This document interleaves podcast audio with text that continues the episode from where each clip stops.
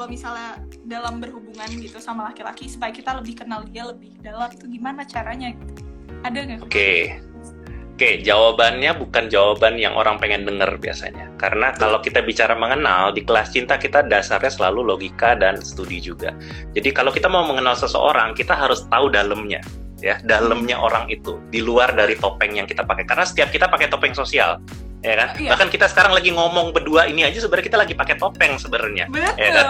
kita Ya kan? Ya, bermain peran sebenarnya Iya, kita sedang bermain peran tapi maksudnya baik gitu kan. Iya. Nah, Nah, untuk bisa kenal pasangan, kita harus bisa lihat di balik topengnya dia seperti apa.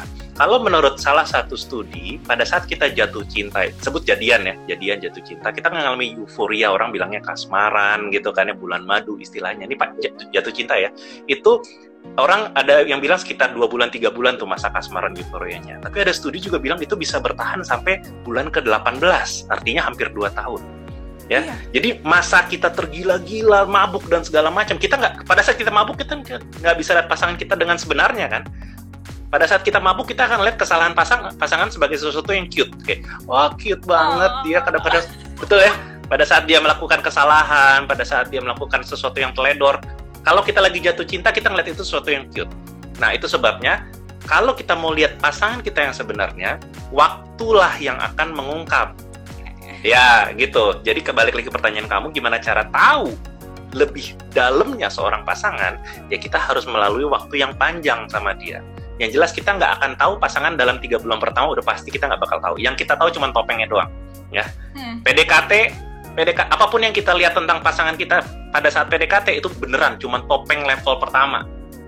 Exactly gitu ya. Jadi kita perlu waktu dan nggak ada cara pendeknya, nggak ada cara Hmm. pendeknya.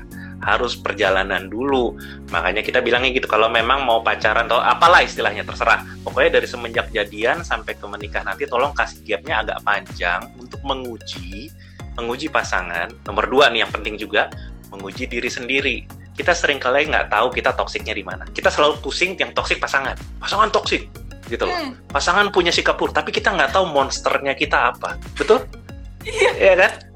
Orang yang belum pernah pacaran sama sekali secara intens, ya, Hmm. bakalan ngerasa gue orangnya nggak emosional, gue nggak mungkin maki-maki, nggak mungkin marah-marah. Gue orangnya panjang sabar. Itu orang kalau belum pernah pacaran sama sekali. Tapi kalau udah pernah pacaran lumayan intens, pasti nyadar, kok gue bisa mukul tembok ya tiba-tiba? Iya. Kok gue bisa maki-maki orang? Ya, pa- pasti pernah kan? Saya yakin. Terry juga pasti pernah kayak, kok gue bisa ngelakuin itu ya?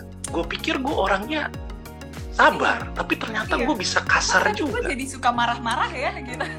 Nah, itu jadi proses pacaran yang panjang itu tujuannya adalah untuk edukasi diri juga. Cek, gue mampu gak sih buat pernikahan jangka panjang? Apalagi tuh baru pernikahan, baru sama pasangan ya, belum nanti ngurus anak. Harus anak tuh PR-nya lain lagi, gitu loh. Iya beda lagi.